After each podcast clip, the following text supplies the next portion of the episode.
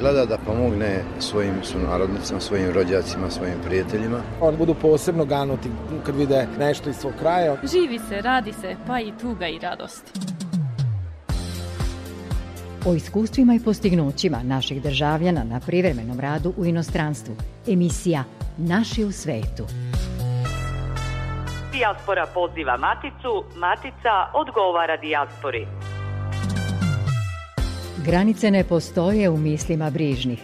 Emisija Naši u svetu.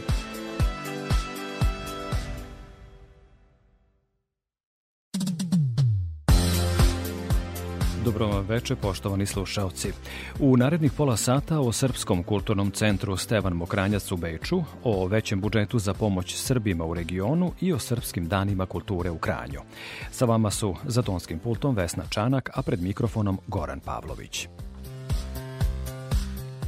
Uprava za saradnju s dijasporom i Srbima u regionu raspisala je javni poziv za podnošenje predloga za dodelu nacionalnih priznanja za izuzetan doprinos, rezultate i zasluge u oblasti ostvarivanja saradnje i jačanju veza matične države i dijaspore, kao i matične države i Srba u regionu.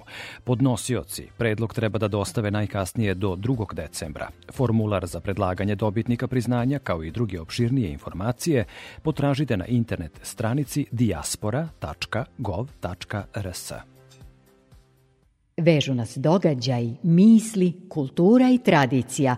Emisija Naši u svetu. Prema zvaničnim podacima Austrije, Srbi su, nakon Nemaca i Rumuna, najbrojnija grupacija stranaca u toj zemlji. Prema nezvaničnim podacima, u Austriji živi oko 300.000 Srba, od čega oko 200.000 u Beču. Među njima je i Saša Božinović, potpredsednik Srpskog kulturnog centra Stevan Mokranjac. On je nedavno bio gost u Srbiji, u Novom Sadu, sa kulturno-umetničkim društvom na festivalu Zlatnih ansambala Srbije. O tome kako su dočekani u matičnoj zemlji i kakve su utiske iz nje poneli, razgovaram sa Sašom Božinovićem, koji je na telefonskoj liniji. Dobro vam veče, dobrodošli u emisiju Naši u svetu Radio Novog Sada. Dobro večer vama i svim slušalcima Radio Televizije Novi Sad i bolje vas naša. Festival Zlatnih ansambala Srbije okuplja folklorna društva u zemlji, a ove godine vi ste sa kudom Stevan Mokranjac bili prvo društvo iz dijaspore koje je pozvano na festival. Kako ste doživeli taj poziv i da li su jednom društvu poput vašeg, koje postoji 25 godina u Beču, e, trebale posebne pripreme za dolazak na taj festival? U organizaciji Saveza kulturno-umetničkih društava Srbije i folklorna ansambla bila iz Novog Sada, na poziv predsjednika Saveza gospodina Milodrana Lonića, gostovali smo na festivalu Zlatnih ansambla Srbije 5. i 6. novembra u Novom Sadu. Posebne pripreme su nam trebale, tako da smo spremili dve koreografije i dve minijature sa kojima smo se predstavili na tom festivalu. I pored nas na tom festivalu su još učestvovala uh, pet velika društva, to su bili Kršmanac, Vila, Guskle, Klogoš i naravno mi. Među pet kulturno-umetničkih društava čuli smo ih koji su e, dobitnici nagrade Zlatni ansambl Srbije je i Vaš Kud. Kojim ste se programom predstavili i sa kojim uzrastom ili starosnom grupom? Mi smo u, u Novom Sadu došli sa našim prvim ansamblom, to jest izvođačkim ansamblom, to je to je uzrast od 18 do 25 godina, to je naš prvi ansambl i mi smo se pristavili sa dve koreografije, igrali smo koreografiju Nunta i Nisako, to su vlaške svadbene igre i druga su bile srpske pesme igre iz Gnjevana. To su u kategoriji koreografija, zatim je bila i kategorija minijatura u trajanju od 3 minuta, gde smo isto izveli dve minijature. Pomenuo sam da postojite 25 godina, toliko dugo negujete našu tradiciju i kulturu u susednoj Austriji. Koliko imate članova i kako se oni regrutuju u Beču? Kako ocenjujete interesovanje uopšte naših ljudi tamo za rad u organizacijama koje neguju sećanje na poreklo poput vašeg društva? Mokrajinac je jedno od najvećih društava sigurno u dijaspori. Trenutno imamo 318 e, igrača u pet različitih grupa, znači starosne godine od 5 do 60 godina. I e, interesovanje ovde među našim e, e, građanima Matice je veoma veliko. Sve više roditelja decu dovodi u zadnje vreme u Mokranjac. Verovatno je možda uticala u poslednje vreme i ova korona gde su bili zatvoreni, a najviše najviše e, utiče to da, da deca neguju svoju kulturu i da ne zaborave srpski jezik. Jer se kod nas na probama i u kudu isključivo pričamo sa decom srpski jezik. Pošto je, da kažem tako, 70% ove dece rođene ovde u Austriji i uglavnom među njima pričaju nemački jezik. Vaše društvo Stevan Mokranjac nije samo folklorna sekcija. Vi organizujete i književne večeri i radionice. Koje su najreprezentativnije i kako odabirate događaje koje obeležavate u rasejanju? Na osnovu kojih kriterijuma, Saša? pa književne večeri e, uglavnom dovodimo naše istaknute pesnike i književnike iz Srbije i u shodnu sa e, slobodnim prostorom i sa aktivnostima koje se u tom trenutku, u datom trenutku u Beču, tako dovodimo, dovodimo književnike u naše društvo. A e, pored toga imamo i, i naše radionice, a posebno, posebno akcent mo, moram staviti im je jedino društvo u dijaspori koje ima svoju radionicu za izradu nošnje, gde nošnju šijemo sami. Znači, gde malte ne 80% nošnje šimo sami i time ušparamo i pare i tako, a obično se nošnje kupuju u Srbiji ili negde na terenu je. Ko vam od ličnosti u Beču, gospodine Božinoviću, još pomaže da održite svoje aktivnosti sa vama su i Narodni orkestar, pevačke grupe, dramska sekcija. Imali drugih naših organizacija ili pojedinaca tamo koji se sa vama rado udružuju u toj nameri da se naši ljudi i običaji ne zaborave i ne prepustite potpunoj asimilaciji u austrijsko društvo? Normalno da ima, pored e, u Beču postoji još pet folklornih društva s kojima odlično sarađujemo i s kojima imamo zajedničke e, koncerte. Inače, pored toga Mokranac e, je osnivač Austrijskog savjeza srpskog folklora Austrije. To su folklorna društva na nivou celo Austrije. Trenutno je u našem savezu 20 društva i sa njima u Austriji imamo zajedničke koncerte, imamo smotre, imamo druženje, tako da smo dobro integrisani da, da se družimo zaista sa svima ovde u Austriji. Znamo iz ličnog iskustva kao medij da je udruživanje veoma važno, ne samo u rasejanju, već i u matici. Zajedničkim snagama uvek gradimo bolje i prestižnije rezultate, tako se i mi u matici solidarišemo sa kolegama iz drugih medija u razmeni znanja, iskustava i snimljenih materijala, kako bismo što bolje i kvalitetnije informisali naše slušaoce o raznim aktuelnim temama. Tako smo stekli poverenje kolega recimo iz Srpske televizije u Čikagu, Makedonskog radija, televizije Srpske dijaspore u Minhenu, ali i kolega iz emisije Večeras zajedno Radio Beograda 1, sa kojima redovno razmenjujemo priloge iz rasejanja. Sa RTS-om i vi imate zapaženu saradnju, pominjali ste. Da, pre mesec dana je ekipa RTS-a bila u Mokrancu i u, napravila jedan lep prilog o Mokranjcu, o radu Mokrancu, o nošnju Mokrancu, o našoj radionici nošnje. Pored eh, RTS imamo eh, saradnju sa drugim televizijama dole i sa dnevnim listovima u Srbiji, tako da smo veoma zastupljeni u medijima, tako i na televiziji, posebno na rts Da li se i drugi mediji, osim medijskih javnih servisa, interesuju za vaš rad, pogotovo ovi mediji iz Matice? Da, interesuju. Bili smo par puta gosti na drugim raznim televizijama, a najviše smo u, ne, u dnevnim novinama, kao što je dnevni list vesti, kao što su večernje novosti, tako drugi, drugi listovi Srbije. Da smo udruženi, jači i hrabri, potvrdit ćemo i u nastavku emisije Naši u svetu u razgovoru sa Sašom Božinovićem iz Kuda Mokranjac u Beču, nakon kraće muzičke pauze.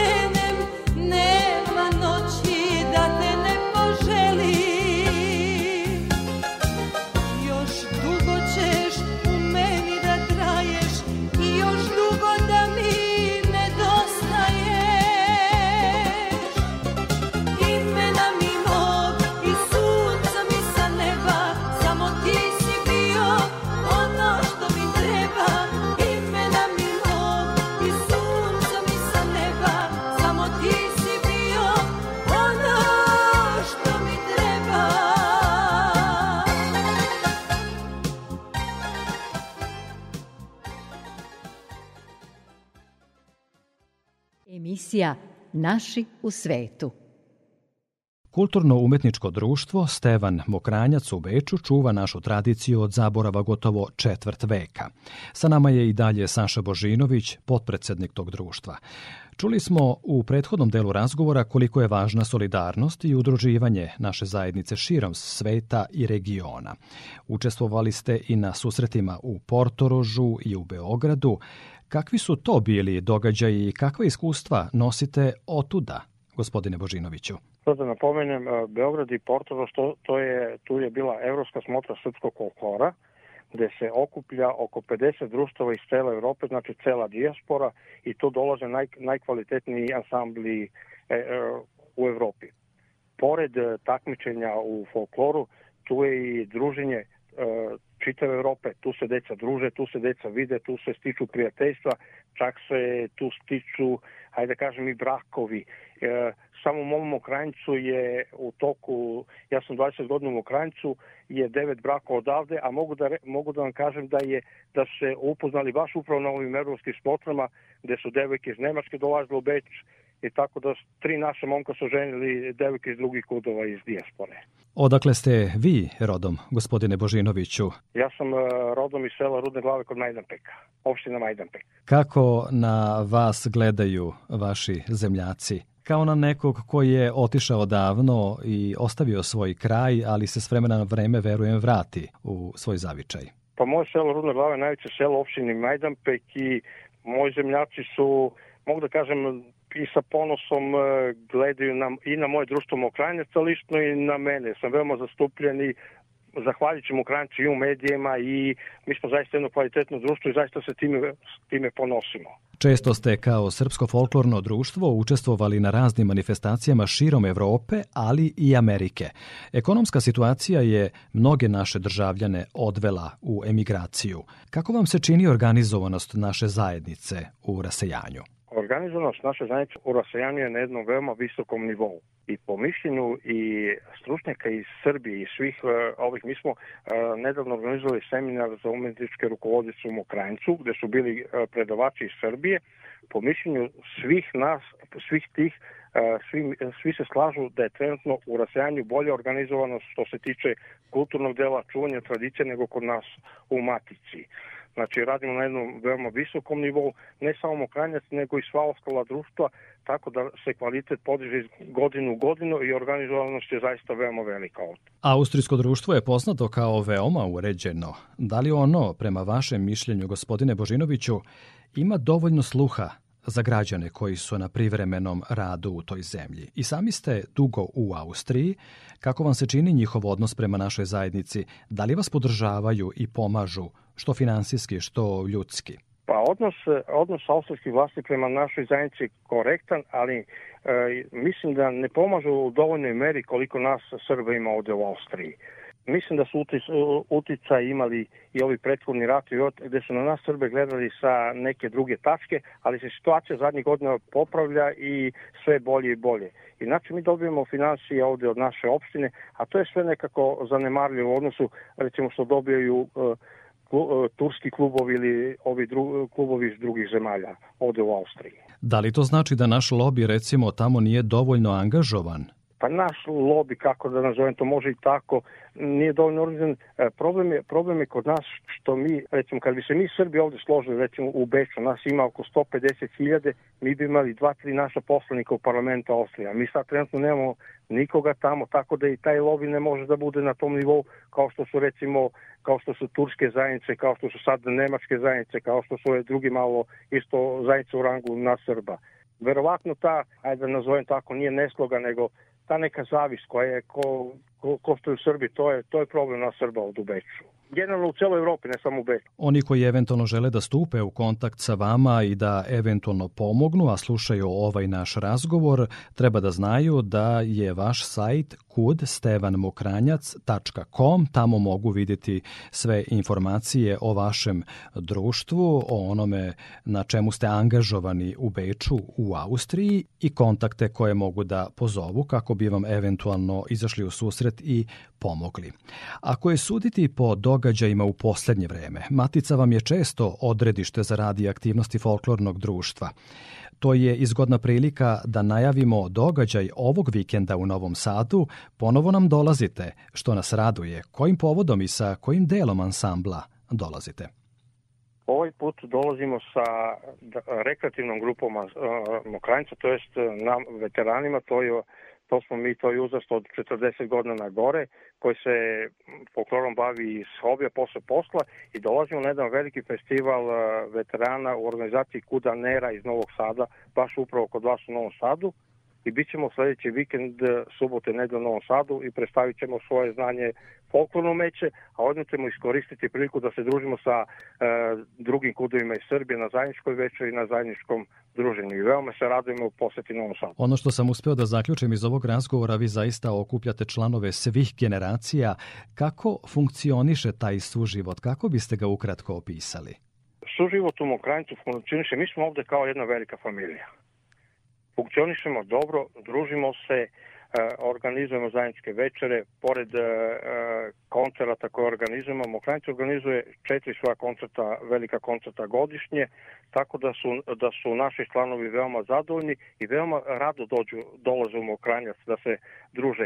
Pogotovo roditelji kada dovedu decu, deca su na probi, to im je, Mokranjac im je jedan od institucija gde mogu posle napornog posla posle dnevnih obaveza kućnih da se opuste tih sat, sat i po vremena, da sa prijateljima popiju kafu, da popričaju i da se druže. Ima li još neki događaje u planu za kraj ove i početak naredne godine s obzirom na to da su pred nama i praznici ili će članovi društva svako o svom mestu porekla u privatnu posetu za praznike? Pa do kraja godine, e, prošli vikend smo imali naš veliki koncert sa prijateljima, a da do kraja godine 10. E, decembra organizujemo naš tradicionalni godišnji koncert, gde će nam biti verovatno gosti neka društva iz Srbije, gde će svi članovi Mokrajnice nastupiti i time ovu godinu zaokružujemo i završavamo sezonu. A iduće godine je u znaku 25 godina postojanja Mokranjca, gde planiramo više koncerta jedan od velikih koncerta će biti zajednički koncert sa ansamblom Vila iz Novog Sada, gde ćemo u okviru to 25 godina postojanja Mokranjca zaokružiti jednu jednu veliku tradiciju i jedno druženje sa društvima iz dijaspore, a iz Matice, a ove godine smo to izabrali da to bude ansambl Vila iz Novog Sada. Želimo vam ugodan boravak ovog vikenda u Matici u Novom Sadu na susretu veterana folklora i kad god da nam dođete, rado ćemo vas dočekati i interesovati se za to što vas tišti i raduje tamo gde u rasejanju radite i svojim angažmanom čuvate našu kulturu i tradiciju od zaborava. Hvala i vama na razgovoru. E, Mokrajne se uvek raduje kada dođu u dijasporu i deca najviše vole da dođu u svoju domovinu u Srbiju i da se tamo druže sa svojim vršnjacima iz Matice. U emisiji Naši u svetu sa nama je bio Saša Božinović iz Srpskog kulturnog centra Stevan Mokranjac u Beču. Srcem i dušom mekšamo setu jedni drugima. Emisija Naši u svetu. U nedavnoj poseti Republici Srpskoj direktor Uprave za saradnju sa dijasporom i Srbima u regionu Arno Gujon sastao se sa predsednikom Srpske Miloradom Dodikom, sa kojim je razgovarao o položaju Srba u regionu. Sagovornici su podržali inicijativu da se od naredne godine u organizaciji vlada Srbije i Srpske redovno održava forum dijaspore s ciljem osnaživanja i unapređenja saradnje u svim oblastima s dijasporom. U našoj emisiji slede minuti posvećeni uzajamnoj saradnji naše i emisije Večera sa zajedno Radio Beograda 1 sa kojim razmenjujemo priloge iz Matice i rasejanja. Sa direktorom Uprave za dijasporu i Srbe u regionu Arno Gujonom razgovarala je koleginica Ana Tomašević iz Radio Beograda. Neposredan povod za razgovor bila je vest da će budžet za Srbe u regionu biti povećan u narednoj godini čak tri puta. Iznosiće 1,5 miliona evra. Izvan matice u našem regionu živi više od milion i po Srba. U dijaspori ih je bar duplo više. Najdirektnija institucionalna veza sa njima je Uprava za saradnju sa dijasporom i Srbima u regionu. U nizu aktivnosti i programa za održavanje kontakta sa Srbima van matice, između ostalog, projektovana je i finansijska pomoć. Budžet za Srbe u regionu u sledećoj godini biće tri puta veći nego do sada. Kako će on biti podeljen i u koje svrhe usmeren, o tome sada razgovaramo sa direktorom uprave Arnon Gujonom. Hvala što ste izdvojili vreme za Radio Beograd. Hvala vama na, na pozivu. Gospodine Gujon, ovo je značajno povećanje. Kako je do njega došlo i koliko ono znači za vaše aktivnosti? To mnogo znači za, za naše aktivnosti. Došlo je do toga e, na predlogu predsjednika Republike Aleksandra e, Vučića, e, tako da sada imaćemo za naš konkurs otprilike milion i po evra za Srbe u regionu, a za Srbe u dijaspori i dalje ćemo imati oko 500.000 evra, znači samo za konkursne aktivnosti imaćemo 2 miliona, a inače ukupan budžet naše uprave će sada biti 298 miliona dinara. Vaša uprava je inače pojačala veze sa Srbima u regionu. Kakvi su dosadašnji efekti? Dosadašnji efekti su su dobri. Kad sam bio imenovan pre dve godine, nije bio direktora u upravi za saradnju s diasporom i Srbima u regionu, Ona je radila, ali bez direktora nekako falio je ne, neki pravac i možda neka energija. A onda posle toga radili smo na obnavljanju svih tih veza sa Srbima kako u regionu tako i u dijaspori. Sad da, da preciziram možda za, za naše slušalce koja je razlika jer to je veoma bitno. Region to su zemlje Balkana, E, znači bivša Jugoslavija plus Mađarska, Rumunja i Albanija, gde su Srbi autokton narod, gde žive od pamti veka, gde su uvek živeli i gde su, da kažem, kod kuće. A diaspora to su zemlje u koje su e, tokom prethodnih decenija Srbi otišli. To je ceo svet, to može da bude Pariz, New York, e, Berlin. I naravno da situacija nije ista u, u dijaspori i u regionu, a potrebe nisu iste. Tako da imamo dve aktivnosti, dva konkursa, e, dva sektora u našoj upravi, jedan koji prati dijasporu, jedan koji prati region.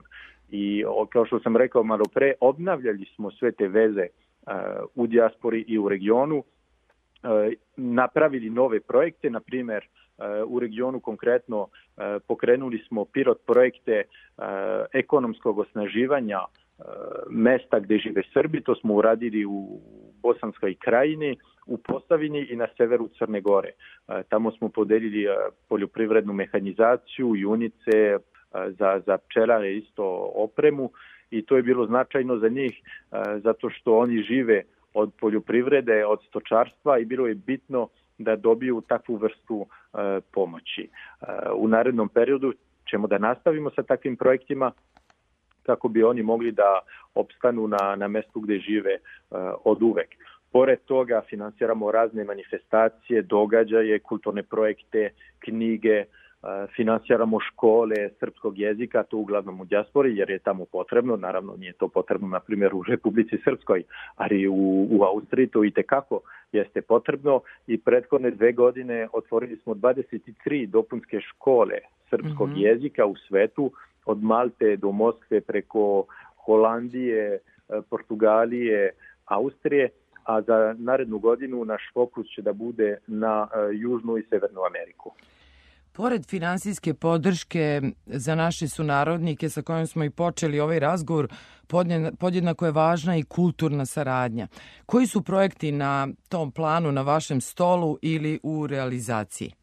Imamo mnogo tih e, kulturnih e, projekata, to su e, nedelje Srbije koje se organizuju na, u, u mnogim zemljama, to su knjige ponekad i dvojezične takođe, to su ansambli iz Srbije koji idu da gostuju u dijaspori, to je folklor, to je izuzetno bitno takođe i, i folklor pored crkve, to je zaista mesto gde, gde se deca, gde se, gde se ljudi okupljaju i, i to treba da nastavimo. Mi smo imali e, e, prethodne dve godine razne, e, razne projekte i, i pružili veliku podršku e, folklornim udruženjima kroz kupovinu e, odeće, odnosno narodnih nošnji, kroz e, financiranje raznih festivala i ne možete da verujete kad idete, na primjer, išao sam uh, u Beč na festival srpskog folklora i tamo imate jednu ogromnu sportsku dvoranu uh, koja je puna sa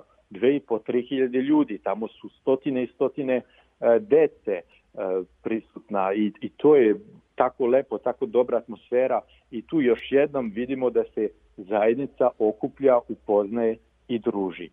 Kakva vam je saradnja sa srpskim organizacijama van Matice, kao i sa Srpskom pravoslavnom crkvom koja je prisutna daleko izvan granica zemlje? Pa Srpska pravoslavna crkva je zaista stup e, u dijaspori. E, ljudi se okupljaju e, nedeljom u crkvi. Koliko puta su mi ljudi rekli, pa dok sam živeo u Srbiji nikad ili redko sam išao u crkvu, osim za, za vreme praznika, za Božić, za Vaskrs, a od kad sam u dijaspori svake nedelje idem na liturgiju. Zato što uh, kad ste u tuđini nekako lepo vam je da se osjećate pa makar jedan dan u, u nedelji kao da, ste, kao da ste kod kuće i kao da ste okruženi svojim ljudima. Tako da crkva ima zaista veliku ulogu u očuvanju identiteta, ali i za nas Ona je bitna zato što ima dobru mrežu, dobro je organizovana i zajedno možemo da pokrenemo mnoge, mnoge projekte i dosta škola takođe e, drži svoje časove srpskog jezika u prostorijama e, crkve Moj sagovornik bio je Arno Gujon, direktor uprave za saradnju sa dijasporom i Srbima u regionu. U svečanoj sali kulturnog društva Brdo u Kranju započeti su ovogodišnji 17. dani srpske kulture dramskim igrokazom koji su pripremila deca srpske škole u Sloveniji. Tokom trodnevne manifestacije koja okuplja društva i pojedince iz dijaspore održane su tribine, književne večeri, folklorni nastupi i nastupi pevačkih grupa. Prezentovana je i domaća kuhinja. Poštovani slušalci, toliko u emisiji za večeras. Hvala što ste bili uz nas. Vašu pažnju očekujemo i narednog petka od 19.05. Prijatno vam veče. Radio Novi Sad, Sad, Sad, Sad. 19 časova i 30 minuta. Program nastavljamo aktuelnostima iz regiona i sveta. Ko pravi talase na vodi i bure u životu? Novinarski fotoobjektiv ili zvezde koje pišu za vas – Šta je bućkalo i koga više privlače, ljudi ili somovi? Zašto su davno stečena znanja danas pretvorena u političku fatamorganu? Ispričat će nam Zorica Stanivuković iz Zagreba. Bilo je to davno. U danas bi se reklo staromodnoj redakciji, tada iznimno tiražne dnevne novine. Nadareni fotoreporter i karikaturist Laslo vratio se s terena zadivljen snimljenim fotografijama. Izvoli druškane, rekao je mladom kolegi Gineru, vrsnom plivaču koji je uz sportske medalje redao i solidne novinarske honorare. Mislim da je ovo nešto za tebe, namignuo mu je Laslo.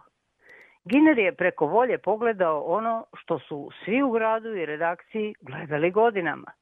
Putnički brod plovio je rijekom, a u brazdi motora jedva se naziralo drveno veslo drvenog čamca zvanog čiklja i drveno bućkalo, kojim riječni ribari i danas dozivaju somove na udicu. Imamo li konačno taj potpis pod sliku? Pitao je od svih poštovan glavni urednik, čija je glava provirila kroz vrata, a kaže pr se usmjerio ka zidnom satu. Potpisana fotografija nestale u fasciklu njegovog stola, a ujutro osvanula na naslovnici. Tog dana Laslo se nije pojavio na poslu, a mladi Giner imao je sastanak u četiri oka s glavnim urednikom, koji nikad nije povisio ton i svima je govorio vi. Ali ne razumijem zašto vam je Lafo zalupio vrata, pa napisao sam samo istinu, pojašnjavao je čovjeku koji je u neverici gledao rečenicu uz raritetnu fotografiju starog Lasla. Ide brod i pravi valove. To je sve što ste mogli smisliti kolega, počeo se uzrujavati glavni urednik. Ali sve je unutra, tko i što, a svi znamo gdje i zašto. Nije se dao giner. Ništa loše ja nisam napisao, rekao je pokazujući novinsku naslovnicu. Uzrujani Laslo brzo je potrošio dosadu slobodnih novinarskih dana i vratio se na posao. Zbunjeni Giner nije bio kažnjen zbog nemaštovitosti. Gospodin glavni urednik i dalje je svima govorio vi i stvari su se vratile u kolotečinu. Sve do jednog jutarnjeg ponedeljka, kad je opet raspoložen, Laslo veselo dobacio Gineru. Imam nešto za tvoj kreativni muskul fiber, mladiću. Čekate kod poštovanog glodura. O, kolega naš mladi, znate li da smo zbog vas zasuti pismima čitalaca, nasmijao mu se glavni urednik. Iz onog broda koji pravi valove, Privukle su ih lakoća i jednostavnost vaše rečenice. A znate kakvi su ljudi. Sad bi se oni s vama upoznavali. Ali kolega Laslo smatra da ni zbog plivačke karijere nije umjesno da prevrću po vašem privatnom životu. Giner je slušao otvorenih usta, a vrhovi ušiju postali su purpurni, kad je učtivi urednik na izgled naivno ubacio. Nećete vjerovati, Neke su me djevojčice čak pitale što ste u horoskopu. I to mi je, znate, dalo ideju da novinu obogatimo rubrikom Zvijezde pišu za vas. A, ali, ali ja ne znam što sam u horoskopu, požalio se Giner sluteći nevolju. Ma nije to važno, mladiću. Koristit će vam da uz naporne treninge radite nešto ležernije. Par proročanskih rečenica dnevno, za svaki znak horoskopa naših čitalaca svima će činiti dobro. A koliko ih je to? Zabrinuo se Giner. Pa znakova je 12, ali sa nadam da je čitalaca malo više. Nasmijao se gospodin glavni urednik, zadovoljan osebujnom redakcijskom diplomacijom. Vi ste to meni napravili zbog one slike, rekao Giner Laslu. Ne znam ništa o horoskopu, a očito ni o potpisivanju fotografija, ali znam da bi se zbog ostalog što znam rado izrugujete. Ajmo mi nešto popit, da se prestanete duljiti, suosjećajno je rekao Laslo. Za stolom redakcijske kavane već su sjedili ljudi iz plivačkog kluba i oni iz gradske rubrike. Svi su čekali zvijezdu žurnalističkog zodijaka. Starom se konobaru smrklo pred očima dok je slušao koliko ih je za nešto ljuto, koliko za običnu vodu, a koliko za tada popularnu koktu, piće naših mladosti tresnuo je blokom o stol i rekao Dosta mi je vaših kreacija, ili svi isto ili nitko ništa. Laslo nije odustajao od voćne rakije, pa se cijelo društvo povelo za njim. I tu se Ginar sjetio mušketirske rečenice iz romana Aleksandra Dima Svi za jednog, jedan za sve. Idućeg ponedjeljka 12 je puta ispisao isti proročanski tekst za rubriku Zvijezde pišu za vas. Svima je preporučeno suzdržavanje od alkohola, umjeren rad, popodnevni san i lagana večera. Uz savjet da svaki znak pronađe sport ili hobi kojim će se baviti do kraja tjedna. Nemam riječi, rekao je Laslo i opet uzeo slobodan dan. Čitaoci su međutim salijetali uredništvo ne bi li im zvijezda koja piše za njih sama preporučila sport ili hobi. Giner je na brzinu prelistao zološki priručnik slavnog Njemca Alfreda Enunda Brema iz 19. stoljeća.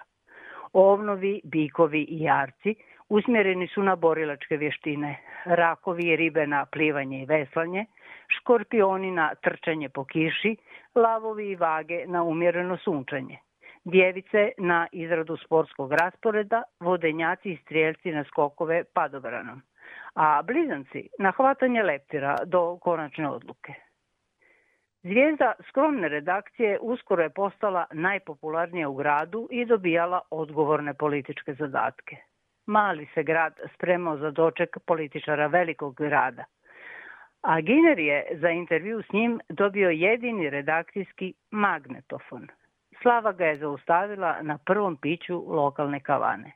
Šta da radim? Prestravljeno je pitao starog glasla, čiji ga je fotoaparat pratio u stopu.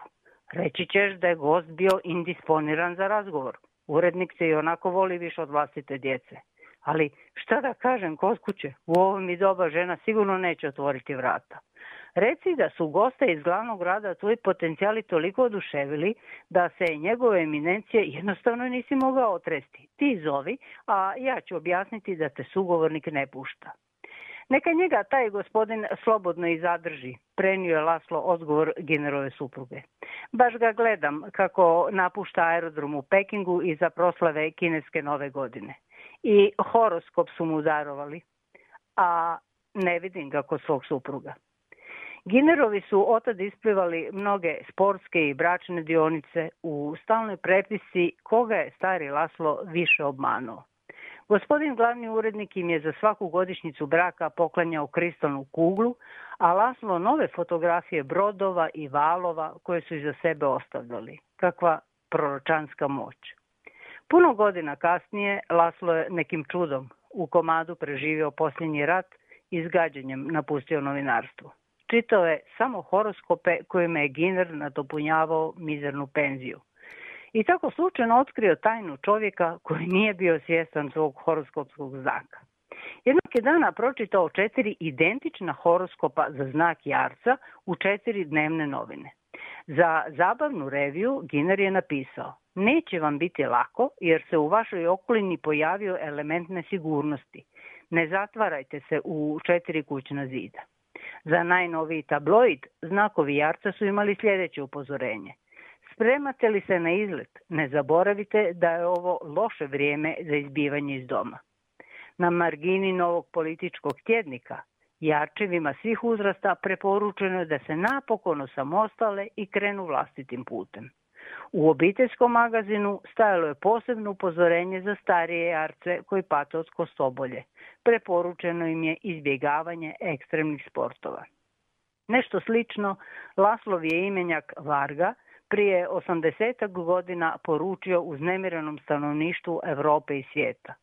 Slovio je za velikog vidovnjaka tadašnje Mađarske, Hrvatske, Srbije i Austro-Ugarske s neskrivenim simpatijama za ruske emigrante u Europi.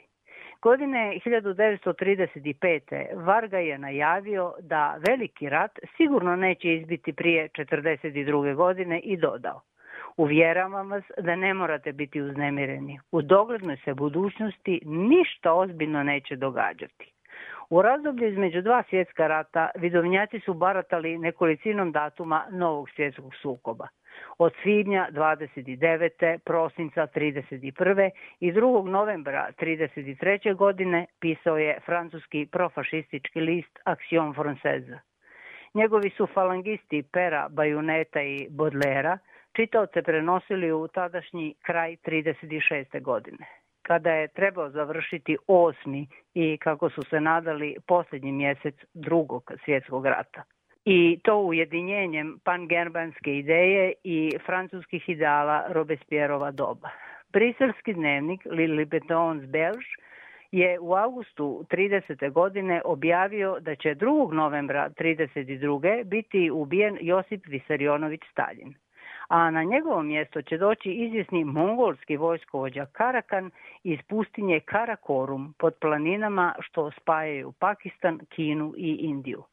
Na uskrs 39. godine u poznatim engleskim kupkama Harrogate održan je kongres britanskih kraljevskih astrologa.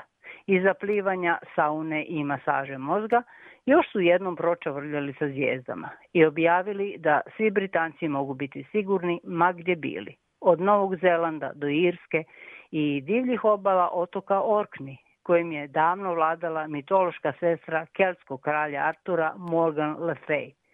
Po njezinom je povijesnom liku stvoren termin Fata Morgana, koji najbolje opisuje tadašnji i sadašnji kolektivni trans, pričin i privid moderne Evrope. Nekoliko tjedana nakon astrološkog kongresa u eletnim britanskim toplicama Hitler je napao Poljsku. Fatum Arturove sestre Morgan Le Fay, koja je stojećima tkala gustu magu po evropskim frontovima, utjecao je i na tadašnjeg vanjsko-političkog urednika londonskog Daily Expressa pod pseudonimom Leonard Blake. On je i iz bogatog žurnalističkog iskustva i veza s prestižnim političkim prorocima zaključio da će svi Hitlerovi planovi ostati u ladicama, a povijest će ih pamtiti tek kao sitne ljudske ekcentričnosti. Pred opsadu Sarajeva 1992. godine tamošnje su Sarajevske novine u rubrici horoskopa zapisale samo jednu rečenicu cijelom zodijaku na znanje i ravnanje. Svi koji od jeseni 1991. godine učestalo boluju od lupanja srca, kratkotreno smirenje mogu da nađu u Šekspirovoj konstataciji iz romana Julije Cezar.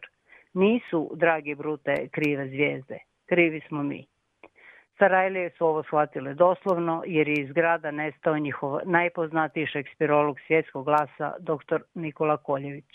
Ponovo je viđen u maskirnoj uniformi iznad Sarajeva. Netom prije drugog svjetskog rata poznata francuska filozofkinja Simone Weil je u časopisu Nuvoka je nove bilježnice predvidjela pobjedu Njemačke i procvat takozvane Latinske imperije u Europi. Žena kojoj intelektualni rad u Francuskoj nije bio dopušten zbog židovskog porijekla, aktivno je surađivala s francuskim pokretom otpora i bila mučena u logoru vlade iz Višija na domak Kazablanke.